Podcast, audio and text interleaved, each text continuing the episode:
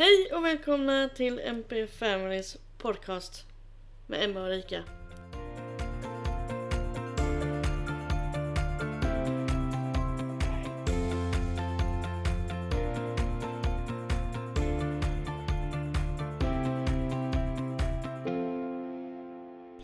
Idag ska vi prata om ett ämne som är så otroligt omtalat de sista veckorna. Vad kan det vara? Ja, det har ju varit en hel del. Och det är ju eh, språkstörning och, eh, ska man säga, icke-verbala individer. Ja, alltså det är inte för att jag skrattar så på det viset alltså, men eh, jag har aldrig fått elaka kommentarer någon gång. Eller inte, alltså bara av ren okunskap, aldrig. Bara att folk vill lära sig och bara haft bra kommentarer. Men den senaste veckan så har det trillat in så mycket okunskap att jag kände att nu behöver jag skriva en bok. Jag behöver göra poddavsnitt. Jag behöver eh, skrika ut det här överallt. Mm. För nu eh, börjar jag tro att det är normtypiska personer som behöver mest hjälp. Ja, alltså det är, det är skrämmande att se vilka kommentarer eh, du, men också kommentarer som är riktade mot Liam. Ja. Nej men Alltså, alltså, det- man blir ju helt mållös. Det är inte så att jag tar åt mig överhuvudtaget för jag vet ju var jag står. Och jag vet ju vad jag kan och jag är väldigt självsäker inom detta området. Jag är mest rädd Men det- för mänskligheten och Ja. allmänheten. Och vart är det sunda förnuftet? Ja, men Jag jag, bara- jag börjar bli förstår. mörkrädd. Ja, jag med. Jag förstår att man inte har intresset och jag förstår att man inte vill lära sig om just ett ämne. Men man kan ha sunt förnuft och medmänsklig... medmänsklighet och eh, ha ett ja, trevligt uppförande. Men det existerar inte längre. Det har jag Nej. också märkt. Det, sånt existerar inte. Men det jag blir mest upprörd över är hur man kan verbalt agera ut mot ett barn. Alltså, Ja. det, det, det är skrämmande. Ja, precis. Nej, men det var ju allt ifrån att det är föräldrars fel. Man, det räcker med att sparka ungen i arslet så kommer den igång med talet. Ja, och det är, alltså, det är så mycket Ja. okunskap som, alltså det, det verkligen, eh, det visslar liksom eh, okunskap eh, om just språkstörning. Ja, och det som eh, verkligen verkar upprörda människor, heter så?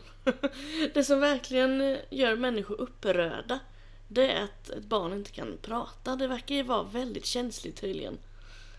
Men varför är det det? Är det för att de inte har kunskapen eller är det det här att det är annorlunda, det är läskigt?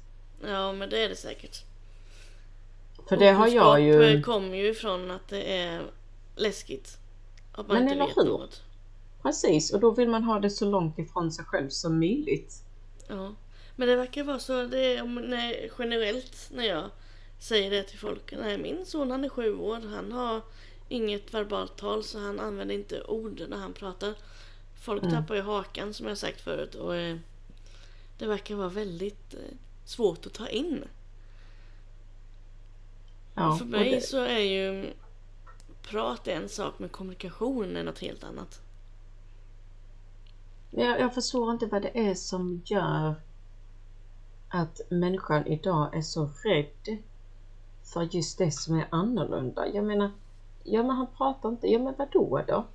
Alltså, han, han berättar ju hur han mår och hur han känner på så många andra sätt och kanske till och med på ett bättre sätt än vad På en... ett bättre sätt skulle jag säga. För eh, det blir ju mer tydligare. Precis. När man pratar verbalt, alltså då är det så många saker man ska hålla reda på. Jag tänker, är man autistisk då ska man hålla reda på ansiktsuttrycken som nog är svårt. Och sen kroppsspråket och sen ska man hålla reda på vad människan säger framför en. Precis. Eh, det tar så enormt mycket energi och sen så har man svårt för förutsägbarhet och sen har man svårt att hänga med i det språkmässiga. Så det, det tar mycket energi och prata om man är autistisk och eh, eh, lyssna på någon som pratar om man är autistisk. Mm. Så att Så jag mig, tror, jag tycker eh, det är lättare att förstå Liam när han förmedlar någonting än när Vilma förmedlar någonting. För hon pratar ju för mycket istället. Nej, hon pratar ju väldigt mycket och om väldigt mycket och mycket om allt. Ska Ja, hon berätta alltså hur det- hon mår så är det ett A4-papper. Ja men precis. Det är inte riktigt det här jag mår så här. Utan då blir det en invävd historia på kanske 20 minuter. Ja, precis. Men Liam är det... Eh, ja, han hoppar, studsar och är glad. Då vet man. Han är glad. Han har haft en bra dag. Precis. Det är så han talar om det. Väldigt enkelt och lätt om man frågar mig. Det är därför Ja. jag säger till eh, ja, hur är det att ha ett barn som inte pratar? Det är det enklaste som finns. Mm. Just nu är det det enklaste som finns. Det var väl inte för fem år sedan men nu är det ju det. För man har kommit längre. Mm. Så jag är bara glad över den biten. Ja. Men det är det väldigt är- svårt för folk att förstå. För då tror, Ja. de, tror andra att man inte vill att sitt barn ska prata. Ja och det om förstår jag inte. Nej, för det handlar om att kunna kommunicera. Inte att prata. Ja, men I grund och botten så handlar det om att acceptera barnet som det är. Mm. Jag menar acceptansen i situationen. Jag menar hur... Ja, eh, jag, jag förstår inte hur människor tänker för att jag menar våra barn är som våra barn är och de ska få vara som de är. De ska bli accepterade vare sig de pratar eller inte. Mm. Men det har svårt, det- människor har svårt för det. Ja. Men vad... Eh, Andrea pratar ju. Och Ja. hon har ju språkstörning. Ja. Vad har dina fördomar... Dina fördomar? har fördomarna varit? Eh, oh, det har varit många. Eh, det har det. Eh, men det har varit mycket det här. För Andrea har två typer av eh, språkstörningar. Eh, hon har impressiv språkstörning och expressiv språk, språkstörning. Och det handlar om att hon har svårt att förstå det talade språket. Eh, och hon har svårt att förmedla språket. Och sen är det såklart mycket, mycket mer. Men det är det enklaste sättet att förklara Mm. eh, för någon som inte har kunskapen.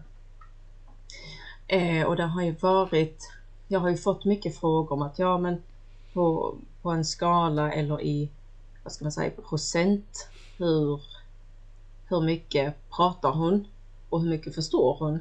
Eh, och hur mycket pratar hon inte och vad förstår hon inte? Och det, det är mig jättesvårt eh, att säga men det jag brukar säga är att ja, men hon, hon pratar inte eh, som en åttaåring. Hon kan inte kommunicera som en åttaåring och hon förstår inte eh, så mycket som en, eh, en kompis på åtta år. Mm. Ehm, men sen har det ju varit, jag kommer ihåg vi var såklart inom sjukvården, eh, så Andrea hon försökte förklara eh, någonting, jag kommer inte riktigt ihåg vad det var. Och då tittar personalen på mig och liksom pekar lite ner mot min dotter och säger eh, Har hon fortfarande språkstörning? Jag ser att det står i hennes journal. ja. eh, ja, Nej, det, det har över hon. igår. ja. Alltså, Det växte ja. bort. Ja, så det har hon ju. Ja, men hon pratar. Och det är också eh, det här, eh, det blir lite det blir lite konstigt för en person som inte har kunskap när det kommer Nej, till det är svårt. Språkstörning. Ja, men hon pratar ju. Ja, men det är inte bara det en språkstörning handlar om. Nej. Eh, så att där, där är det väldigt så. Det är många som inte använder tack eller bildstöd för att just att hon eh, pratar. Mm. Men man kan ju prata, även om man har en språkstörning så kan du prata. Mm. Men det finns olika typer, alltså det är ju, språkstörning är ju indelat i olika områden. Och det, Det det återigen, har man inte kunskap så förstår man inte någonting om det. Nej, alltså det, det är samma med eh, autismen och eh, för att få en autismdiagnos så krävs det ju att man har svårigheter inom kommunikation. Och det kan ju Mm. vara, en autistisk kan ju ha skitbra tal. Alltså de kan prata så lillgammalt och så svåra ord. Så inte klokt. Men de kan istället ha svårt att uppfatta vad andra säger. Mm. eller svårt att ta till sig information. Mm. Det kan vara så mycket, som du säger, än bara själva pratet. För det kan de vara jätteduktiga på. Och det kan vara till en stor nackdel egentligen. För det, det kan göra att folk tror att de är väldigt bra utvecklade i kommunikation. Fast bara i talet. Och då luras de. Och tror att de är jätteduktiga på kommunikation. Ja. Ja, och när, och när vi gjorde eh, Andreas, eh, vad ska man säga, utredning för språkstörning. Eh, är ett tag nu, men då låg hon ungefär på ja, ålder mellan 3 och 4.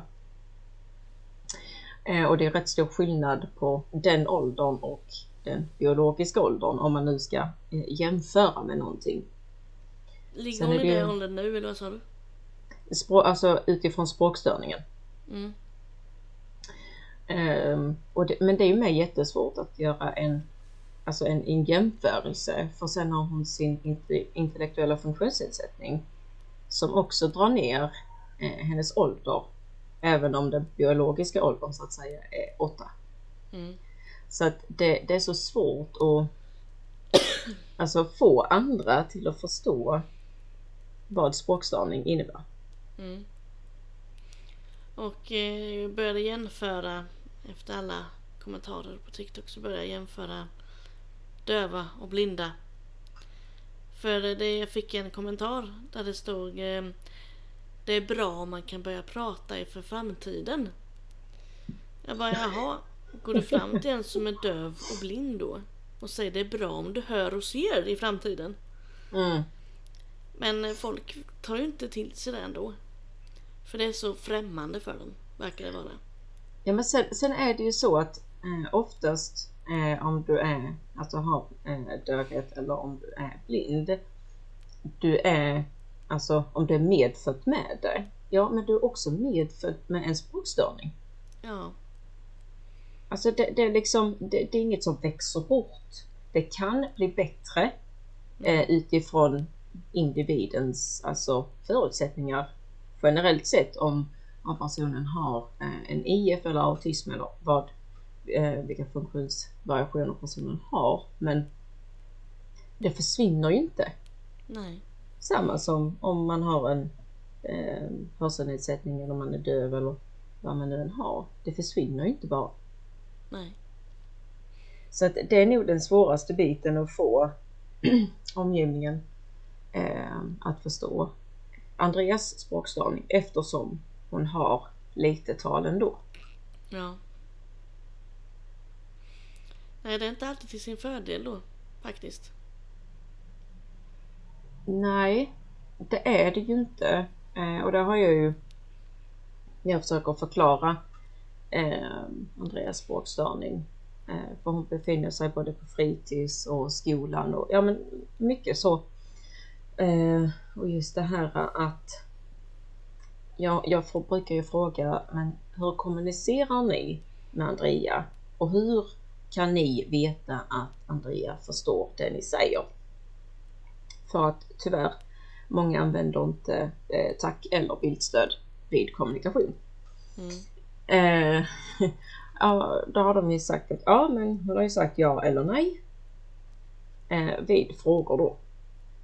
Jaha, men hur vet ni att hon faktiskt förstår? Hon kan ju svara ja och nej ändå. Mm.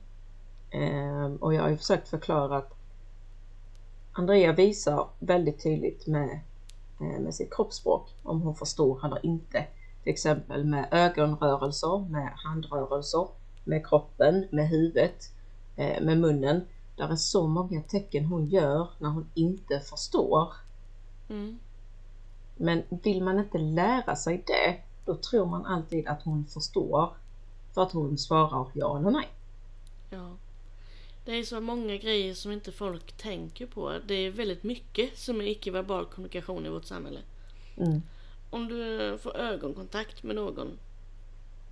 Det är icke-verbal kommunikation. Ni kommunicerar, ni ler mot varandra, ni har ögonkontakt. Ja. Eh, går jag till en psykolog eller jag eh, får har jag en, en klient. Eh, och eh, den kommunicerar inte på det planet man önskar. Eh, då får man ju titta på andra grejer istället. Hur sitter personen? Vad har den för kläder? Vad är sinnesstämningen? Vad säger ansiktsuttrycket? Mm. Ja, eh, för mig är, som är sjukt intresserad av just den biten tycker ju det är en självklarhet och sunt förnuft att man kollar på hela människan. Jag tror ju inte att en människa bara tittar på munnen Nej. när den pratar. För, det- eller när den ser en person. Att man kollar ju på helheten för då, det är ju icke-verbal kommunikation. Att skanna en person, att eh, titta på en person. Hur den för sig, för det säger ju mycket hur den kommunicerar. Men sen idag, människan är så upptagen i sitt att jag tror inte att många ser eller försöker se eller vill se eh, egentligen helheten bakom just kommunikation. Det är precis som du säger, det är så många delar som tillhör att kommunicera med en annan individ. Ja.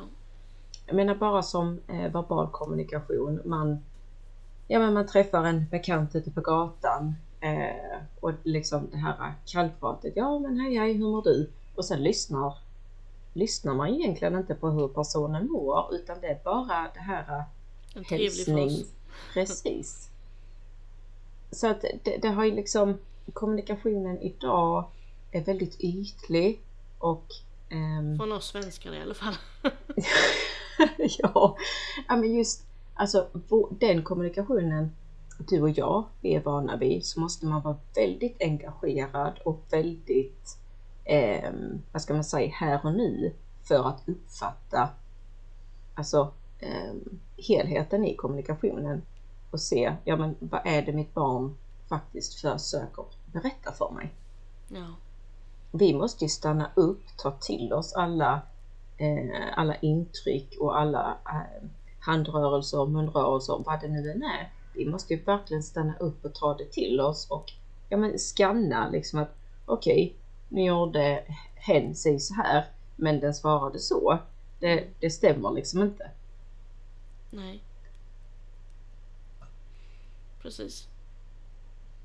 Så att nej, det är mycket mer med kommunikation än vad många, vad många förstår och vill förstå. Mm. Och det gör mig så ledsen att människan idag, människan generellt eller vilken profession man nu tillhör, att man inte, man, man ser inte helheten i kommunikation. Nej, man gör ju inte det om man det är genuint intresserade som oss då. Nej. Eh, nu vet jag inte hur... Eh,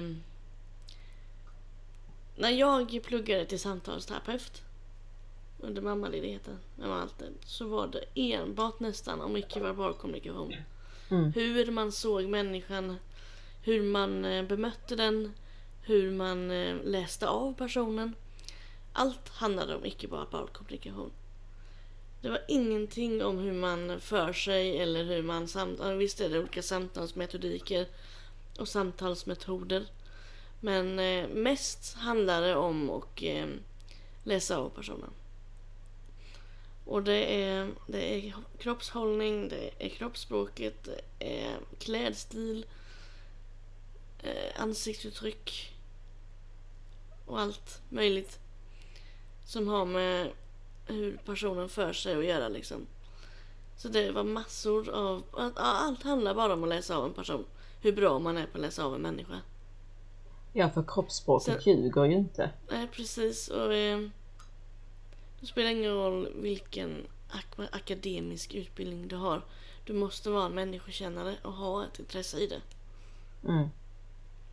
Jo men det är bara att kolla på alltså andra, eh, om vi nu ska dra detta eh, lite bredare, andra myndigheter till exempel eh, polis och liksom lite mer eh, behandlingspedagog eh, och den typen. Där fokuserar de ju väldigt mycket på hur eh, personen i fråga ter sig, precis som du säger med kroppsspråk. Vad, vad kan de läsa av ifrån vad, alltså hur, hur eh, personen rör sig, hur tittar den, hur för den ögonen, vad gör den med ögonbrynen, med mun. Alltså det, där är så Mm. mycket mer som alltså så många professioner lär sig att leta efter och se och upptäcka. Och det vet jag inom behandling med. Vi lärde oss jättemycket om icke-verbal kommunikation. Mm. Och det, men sen, sen, sen är det väl lite, vi är ju väldigt intresserade av icke-verbal kommunikation och vi har ju, det är ju vår, alltså kommunikation är ju vår hjärtefråga. Eh, och det, efter detta så kommer det definitivt eh, fortsätta och vi kommer ju fortsätta prata om detta för att det är så viktigt att förstå. Mm. Exakt. Sen kanske inte andra tycker att det, det är speciellt intressant att lyssna på eh, när vi sitter och pratar om icke-verbal kommunikation. Men någonstans så tycker jag att alla borde ha lite kunskap om det eller förstå lite vad det innebär. Ja. Ja, verkligen. Det är, man vill pränta in det i varenda människas hjärna. Mm. Att det är så. Eh, det är så jag tänker läsa upp en kommentar som jag fick. Här nu. Och den här personen i fråga har själv ett barn med eh, funktionsvariationer med down syndrom. Eh, och då pratade jag om att eh, det är så viktigt att kunna kommunicera och inte prata. Eh, då fick jag en kommentar. Tycker du är helt ute nu? Det är väl jättebra att kunna prata och min son med down syndrom har pratat ända sedan han var liten och kan faktiskt berätta när något är fel. Ja, vad bra. För dig att ni har hittat ett sätt. Alltså ja, ja, jag vet inte. alltså jag, jag har ju Alltså Jag för har gått mig är det ju hur lätt läst. som helst att se om, om det är något som är fel med Liam. Han hoppar ju och blir arg som fasen och springer eh, till den ena änden till den andra och, och stampar i golvet. Precis. Sen eh, det är hur lätt som helst att se om han eh, är något som är fel. Och det är även hur lätt som helst att se om någonting är bra. För då hoppar han och studsar han. Man visar så mycket känslor med hela kroppen. Eh, det är så, jag tycker det är så enkelt att se. Ja, alltså Sen kanske jag det är menar... svårt om han har ont i magen till exempel. Ja, Det kan ju säkerligen vara svårt att förstå ibland. Men oftast så... Inte för att han tar på magen men han kurar ihop sig och eh, beter sig som om han har magont. Så då får man ju Ja. titta på de signalerna istället. Istället för att berätta att man har det. Jo men, det, men så är det ju. Jag menar det, Andrea hon är med extremt duktig på att visa hur hon mår. Om man bara har lärt känna henne. Om man har lärt sig hennes signaler. Men det är Ja, samma sak tid. där. Ja men precis. Men det är ju samma sak där att under de här åren så har ju både du och jag, men andra föräldrar, har ju lärt sig hur barnet signalerar jag mår inte bra. Eller jag har ont var barnet nu har ont någonstans. Vi lär ju oss och vi ser. Och hur det än blir med deras språkstörning, vi är ju och kommer förbli barnets förlängda arm i kommunikation. Ja, Och alltså, jag, jag förstår bara inte hur man kan, ja men barnet måste prata, ja men återigen, där ligger så mycket bakom en språkstörning att det är inte bara till för barnet att börja prata. För hade, alltså hade de inte haft sin språkstörning då hade de ju pratat. Ja precis. Det har ju med förmågan att göra. Ja, och sättet att hjärnan arbetar på. Eh, vad var det jag skulle säga? Eh, när vi skulle lämna Liam på kortis första gången.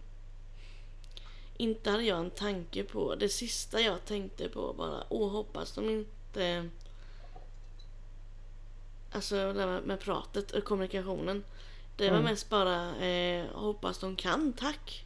mm, Och hoppas de eh, är utbildade i det och kan använda sig av bildstöd. Men det är inte så att jag tänkte oj, han pratar inte, hur ska de göra då? För jag vet redan hur han visade. Och han visade Mm. bra. De förstod ju honom direkt. Första helgen så sa de det att han var väldigt bra på att förmedla vad han vill och inte vill. Mm. Bara, jo. Så är det, man behöver inte alltid prata. Det är ju samma sak eh, om Liam får ett krupanfall och vi behöver tillkalla ambulans eller om vi behöver åka ner till Lund och kolla hjärtat. Jag och Viktor behöver inte prata med varandra. Vi vet redan vad vi ska göra. Mm. Genom att eh, göra något med handen eller någonting. Visar, vi, alltså vi visar det på vårt speciella sätt för vi är så vana vid det. Så det har blivit en rutin. Ja. Och då använder inte vi kommunikationen just med att prata. För det är inte viktigt just då för det tar bara massa tid och energi. Ja, men så är det och det, menar, det är bara att kolla på, eh, vad ska man säga, i andra situationer i, eh, för, för att göra det lite bredare igen för, för att få andra till att förstå. Alltså om du jobbar inom sjukvården till exempel. Mm. Eh, händer det någonting om man är i en akutsituation, inte, inte tusan hinner man stå och diskutera hur vi går tillväga. För att det är Nej. precis som du säger, det, man har koll på varandra, man vet vad den andra gör, man bara gör det. För att man vet. Och man behöver inte kommunicera med varandra för att det, det tar så mycket energi, det tar så mycket tid från vad man faktiskt behöver lägga tid och energi på. Ja. Så att vi, men, människan idag använder mer icke-verbal kommunikation än vad de tänker på. ja. Så är det ju samma sak med visuellt stöd. Eh, vissa kan ju tro att nej, han behöver inte bildstöd. Bara, du behöver också bildstöd. Går du till ett shoppingcenter då är det bilder på en toalett. Det är bilder på eh, skyltar på en restaurang. Det är bilder på eh, utgång och Mhm. nödutgång. Det är bildstöd för att underlätta och veta vad allt ska vara. Det är exakt samma. Och och jo men det, det är samma sak där. Är du utomlands till exempel och du kan inte språket, du letar ju fortfarande efter bilden av toalett. Alltså Ja. någon slags koppling till toalett. Ja, eller så gör man någon eh, slags eh, tecken för toalett. Ja men precis, alltså människan använder mer icke-verbal kommunikation än vad som, alltså vad de tänker på. Ja, Så jag förstår inte varför är det så svårt att förstå då att ett barn inte, alltså inte pratar. Alltså jag, jag, jag får liksom inte, jag får inte riktigt ihop det där. nej. Och det passar väldigt bra på min nästa kommentar här. Ja, Det ja. låter så på dig att du inte vill att han ska prata. Eh, alltså vad är... Jag vet inte vad jag ska säga. Du, du, får, du får sluta Emma, du får, du får sluta säga till han, du får inte prata. Ja men snälla vad är det för kommentar? Eh, ja, det kan man fråga sig. För mig är ju inte det viktigaste. Som jag eh, kom, nämner i den videon just. Eh, för mig är det inte viktigast att han pratar utan att han kommunicerar. Eftersom det är två helt olika saker. Exakt. Och att han mår bra. Det är ju huvudsaken. Och alla i hela världen behöver inte lära känna han, kunna honom. Utan det räcker med de närmsta personerna i hans liv. För det är de som kommer vara de viktigaste. Och de som han kommer bry sig om. Det är familjen och eh, nära och kära och eh, hans eh, skolteam, eller på att säga.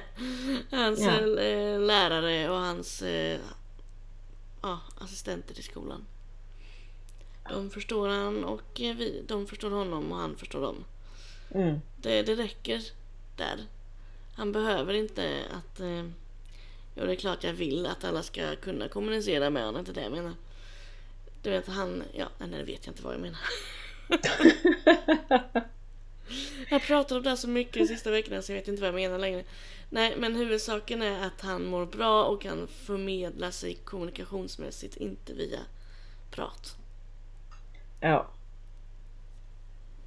Och det är, ja nej jag vet inte. Jag tycker det, du har fått sådana eh, kommentarer så att man bara, men hur tänkte du när du Ja. skrev den här kommentaren? Ja, de har ju verkligen fastnat där och på anpassning också som jag pratat Ja. om väldigt mycket. Mm. Eh, för mig är det sunt förnuft, men för, för många verkar det vara helt... Eh, varför ska jag anpassa mig för? Det, ibland känns det som att normalstörda har mer problem än personer som har funktionsvariationer. Ja, faktiskt. Ja, för det är ju inte vi, det är ju inte den här världen som anpassar sig efter människor med funktionsvariationer och andra diagnoser och sjukdomar. Utan det är ju alltid alla vi, alla vi, det är bara de personer som får anpassa sig. För att världen är som den är. Så hur svårt ska det vara att kunna anpassa sig efter någon annan då? Mm. För många är det säkert inte sunt förnuft att flytta på sig i bussen om man har svårt för att gå eller är höggravid. Nej. För mig är det sunt förnuft och en självklarhet. Och det, jag måste ta ett exempel. Jag skulle gå till, eh, det var nu i veckan, jag skulle gå och hämta, eh, eller när var det? Nej, det kom, jag skulle i alla fall gå och hämta barnen på skola och fritids. Eh, och eh, vi har ju rätt så mycket snö även på trottoarerna och de är inte alls skottade, ingenting. Nej, jag vet inte Och- vad som har hänt i år för det är inte bra skottat någonstans. Nej, det är verkligen så. Nej, och då ser jag att jag möter en, en äldre dam. Och, eh, och hon kommer liksom med en sån rullevagn. Jag vet inte vad man kallar dem. Det är en väska på, på hjul liksom. Ja, en sån där Åh. som alla handlar i. Ja, precis. Och, och jag ser att hon har svårt att ta sig fram.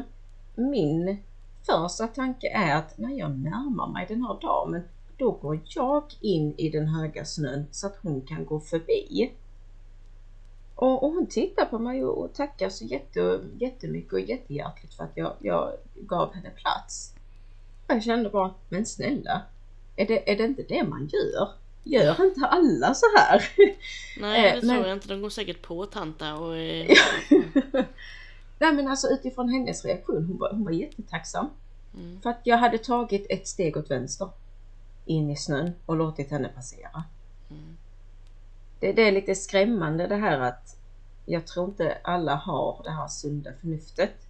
Nej, det känns som det här samhället, samhället har blivit väldigt egoistiskt. Det, ja, ja men det har det extremt. Men det passar ju faktiskt rätt så bra till det inlägget jag la upp innan. Ja, det var så himla klockrent. Ja, Läs jag upp skrev- det innantill. Ja, jag skrev så här. Ett barn med funktionsvariationer ägnar ofta timmar åt att lära sig hur man interagerar med andra. Men varför lägger vi inte tid på att lära dem utan funktionsvariationer hur man interagerar med våra barn? Ja, jag tycker det var så klockrent när jag läste det. Bara wow, där satt den. Ja. Ja men, Så, så bra. Ja, men det är ju det, alltså, och, det och det är världen över. Alltså det vet jag i USA. Där redan från alltså verkligen barnsben när de får sin autismdiagnos, då går de i terapi. Olika sorters terapi för att kunna eh, anpassa sig till det normalstörda samhället. Mm. Ja men varför? Var, varför ska våra barn som redan har eh, svårigheter, varför ska de lägga timmar, veckor, år för att försöka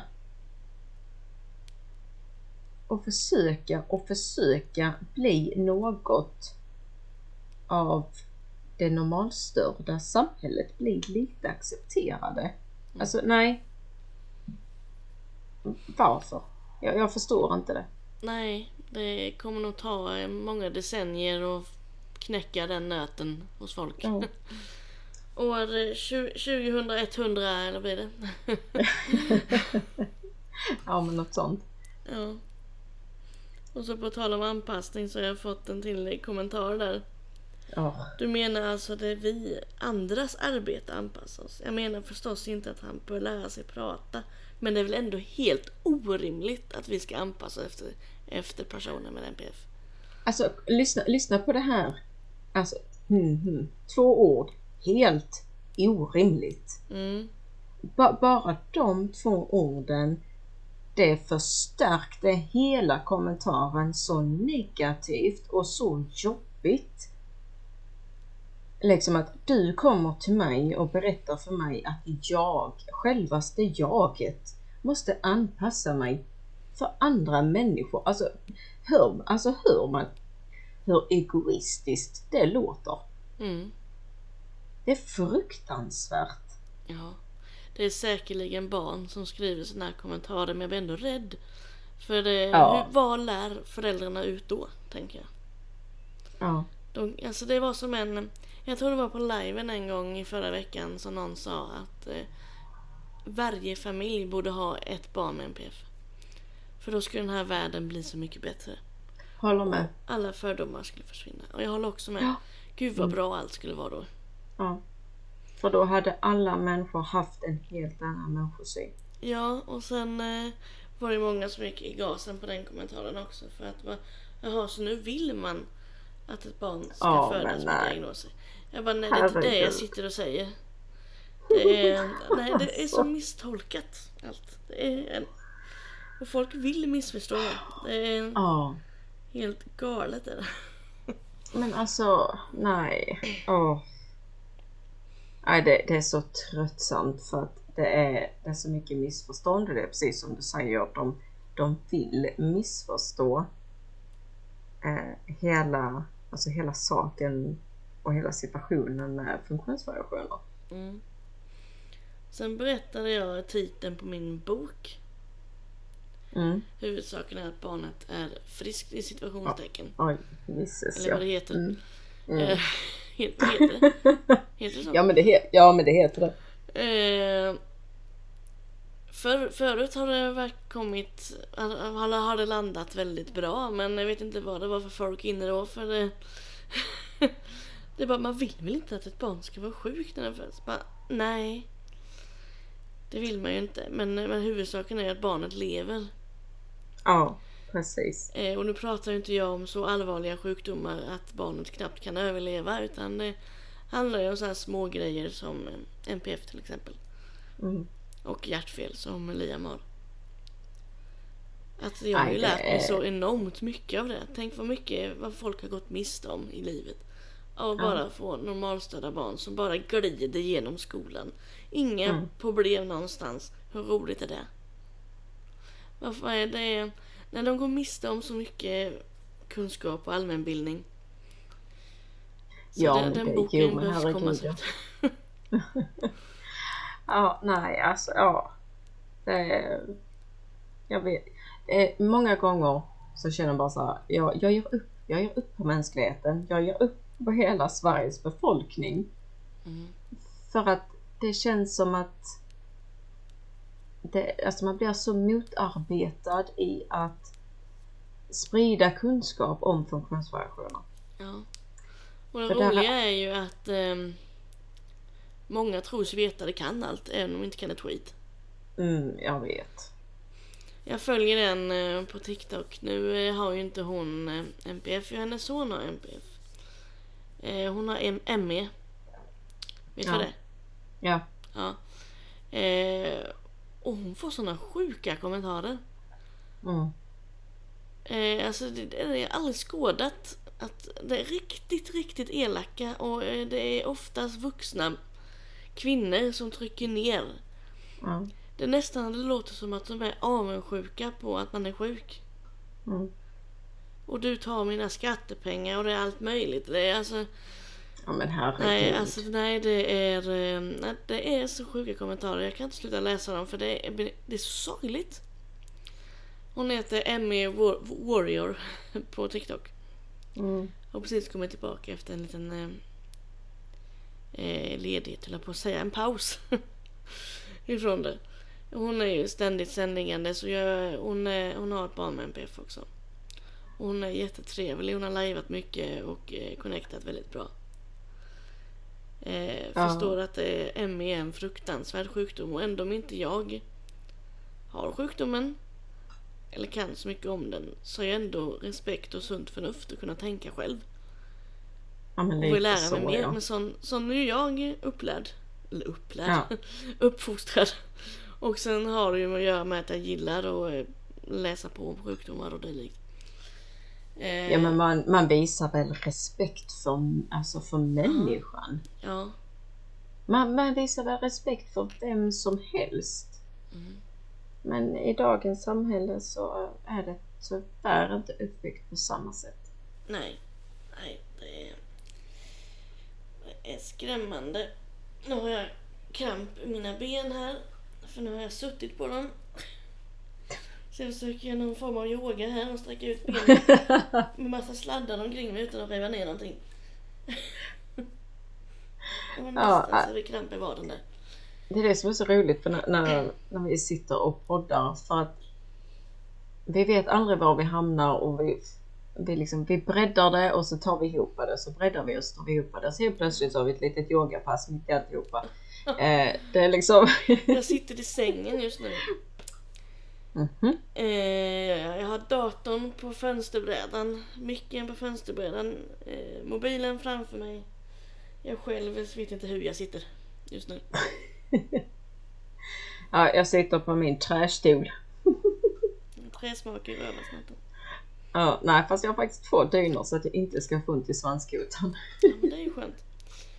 Jag har eh, eh, en kommentar till som jag sparade här. Mm. Gå med Kör på. till en talterapeut istället för att säga att han aldrig kommer att prata. Eh, jag har, då har jag aldrig nämnt att han inte kommer att prata. Jag Nej. nämnde då att eh, hans kommunikationssätt kommer nog vara bildstöd och tack i första hand. Mm. Och eh, om han kommer börja prata så kommer det förmodligen vara i andra hand eller i tredje hand. Mm. Men då väljer folk att tro det att, eh, att, han ald- att jag säger att han aldrig kommer att kunna prata. Att man inte tror på honom. Det är ju det man gör. Man tror ju på honom genom att öva med tack och med bildstöd. Och det Mm. som folk inte förstår är att man övar med tack och bildstöd för att eventuellt kunna kommunicera med verbalt tal. För Ja. så gör ju många, använder ju tack redan från sex månader. Det gjorde ju du bland annat. Ja. Eh, för att få den första kommunikationen. Ja, men det är så missuppfattat allt som har med språkstörning och tecken och bildstöd. Det är det är många som tror att både tack och jag tror vi har tagit upp detta innan att både tack och bildstöd att det skulle försvåra för barnet att börja prata verbalt. Mm. Och det är helt fel. Det är faktiskt tvärtom. Ja. Det hjälper barnet i sin eh, verbala utveckling och sin eh, utveckling i kommunikation. Mm. Så att, något nej, annat jag tänkte på här när det gäller icke-verbal kommunikation. Ni som har barn har ju beb, har ju varit, haft bebisar någon gång. mm. Det är ju icke-verbal kommunikation där. Ja. Ni kommunicerar med ett barn, ni vet ju när de är nöjda och missnöjda. Det är exakt samma som eh, att ha ett äldre barn. Man tolkar det på samma vis. Ja, men det är ju mycket det här att samhället har berättat och printat in i huvudet generation efter generation. Så här ska det vara, så här ska barnet vara i en viss ålder, så här ska barnet vara i ungdom och vuxen och i liksom äldre. Mm. Och, och det är det alla utgår ifrån.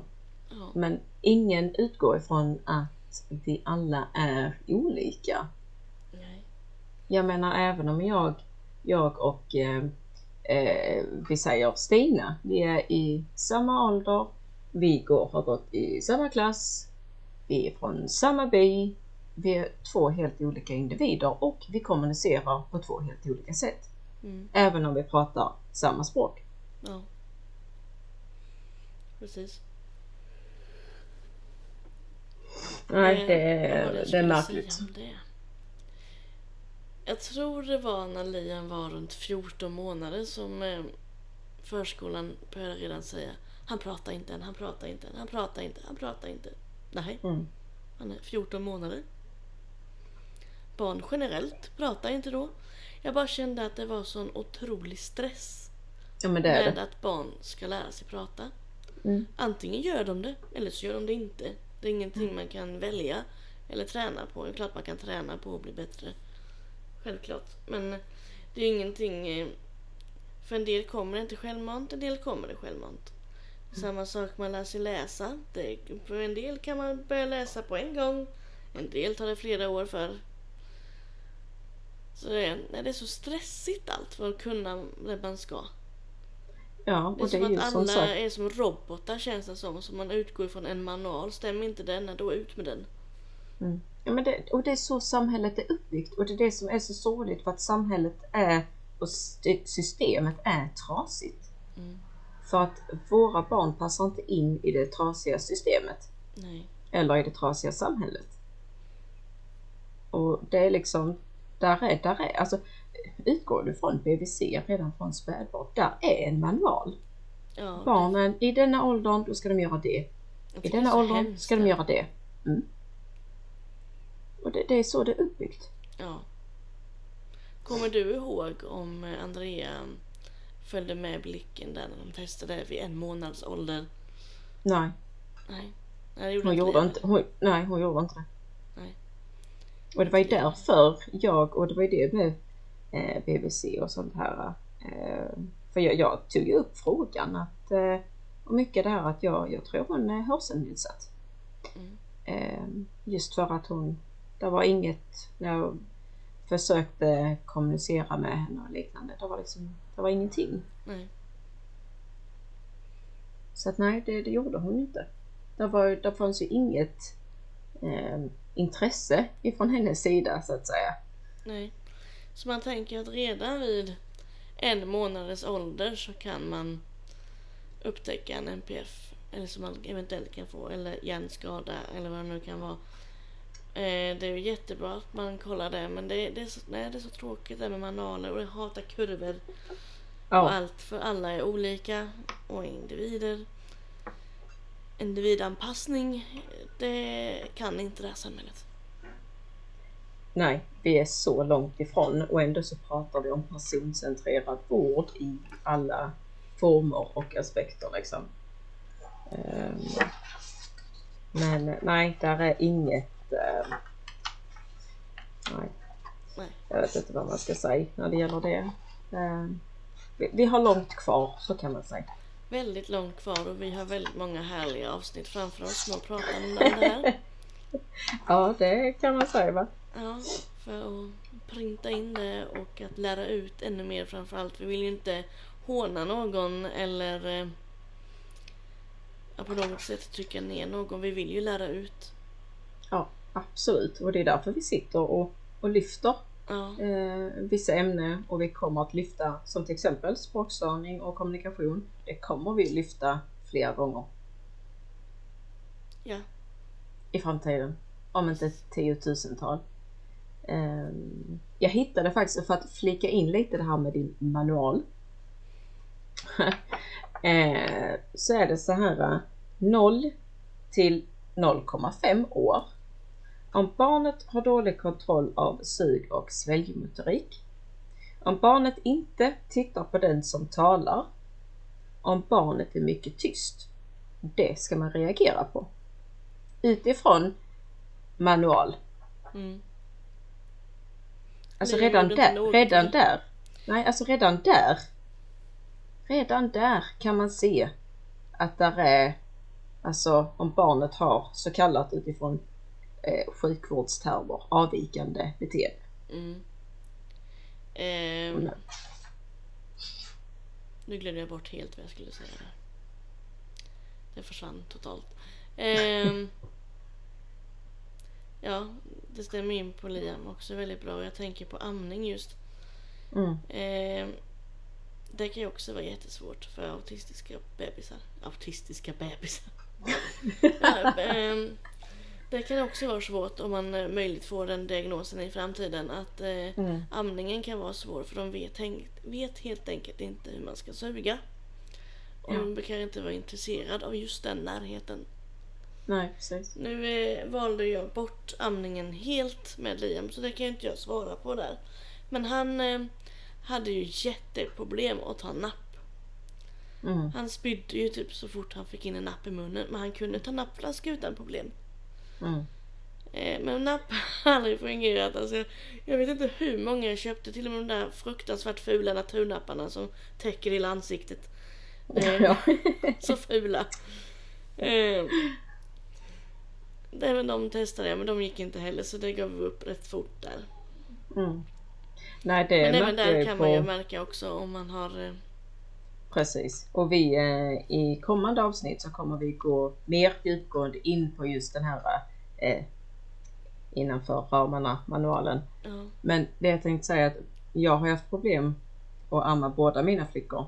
Eh, min äldsta ammade en månad och Andrea en och en halv, två ungefär. Och det är samma där, svårighet. Eh, förstod inte riktigt och ledde inte med nappen i början. Mm. förstod inte heller bara spottade ut den. Ehm, så att det, och det, det är också en fråga som BVC med ställer rätt så, alltså rätt så snar kontakt då man kan amma eller om barnet tar napp. Mm. Ehm, och då tänkte man väl inte så mycket på det. Alltså som man Nej, tänker jag på är- det idag.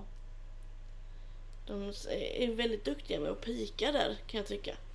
Mm. Eh, Jag säger att när jag flaskmatar, jaha, men glöm inte bort närheten.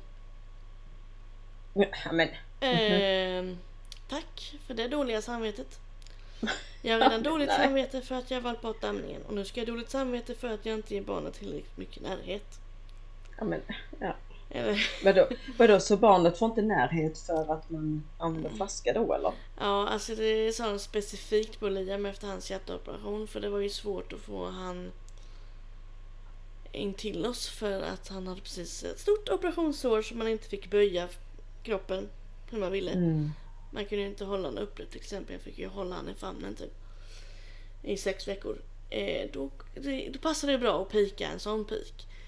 Jag glömmer Ja, inte nej. bort att eh, närhetsbehovet nu. Nu när du varken ammar eller har eh, haft så mycket närkontakt vid spädbarnstiden. Ja, men tack så mycket. Jag har precis genomgått världens trauma här. Ska jag nu få höra det också? Det, alltså jag var så deprimerad efter det samtalet. Kände mig så misslyckad. Eh, och så kan man inte säga till en nybliven mamma som precis har genomgått en sån sak och eh, inte träffat sitt andra barn på två veckor och eh, inte gett någon närhet. Nej, alltså. nej. Nej, de får verkligen vakta sin tunga ibland vad de säger till eh, eh, höggravida och eh, eh, nyförlösta mammor. Ja, faktiskt. På tal om Det, det håller jag med om. Ja, precis. Ja, precis. På tal om är inte det verbala kommunikationen så bra. Nej, det är det nog inte. Nej, men ska vi ta och eh, avsluta lite här? Jag tror vi har fått med det mesta vi ville ha med oss här. Ja. Jag tror det Och blir ett sagt- väldigt bra avsnitt faktiskt. Ja, och i kommande avsnitt så kommer vi att gå mer djupgående in på eh, språkstörning. Mm. Vad det innebär och eh, va, vad är egentligen språkstörning? Ja, jag tror Det inte kommer många vi- vet vad det är. Nej, och det kommer vi gå in på mycket djupare eh, vid nästa tillfälle. Det kommer vi göra. Så eh, kul att ni har lyssnat så här långt. Och kul att ni vill lära er mer om det, för det glädjer oss. Det gör det verkligen. Mm. Tack så jättemycket för att ni lyssnade så ses vi i nästa avsnitt. Det gör vi. Ha det gött. Hej! Hej!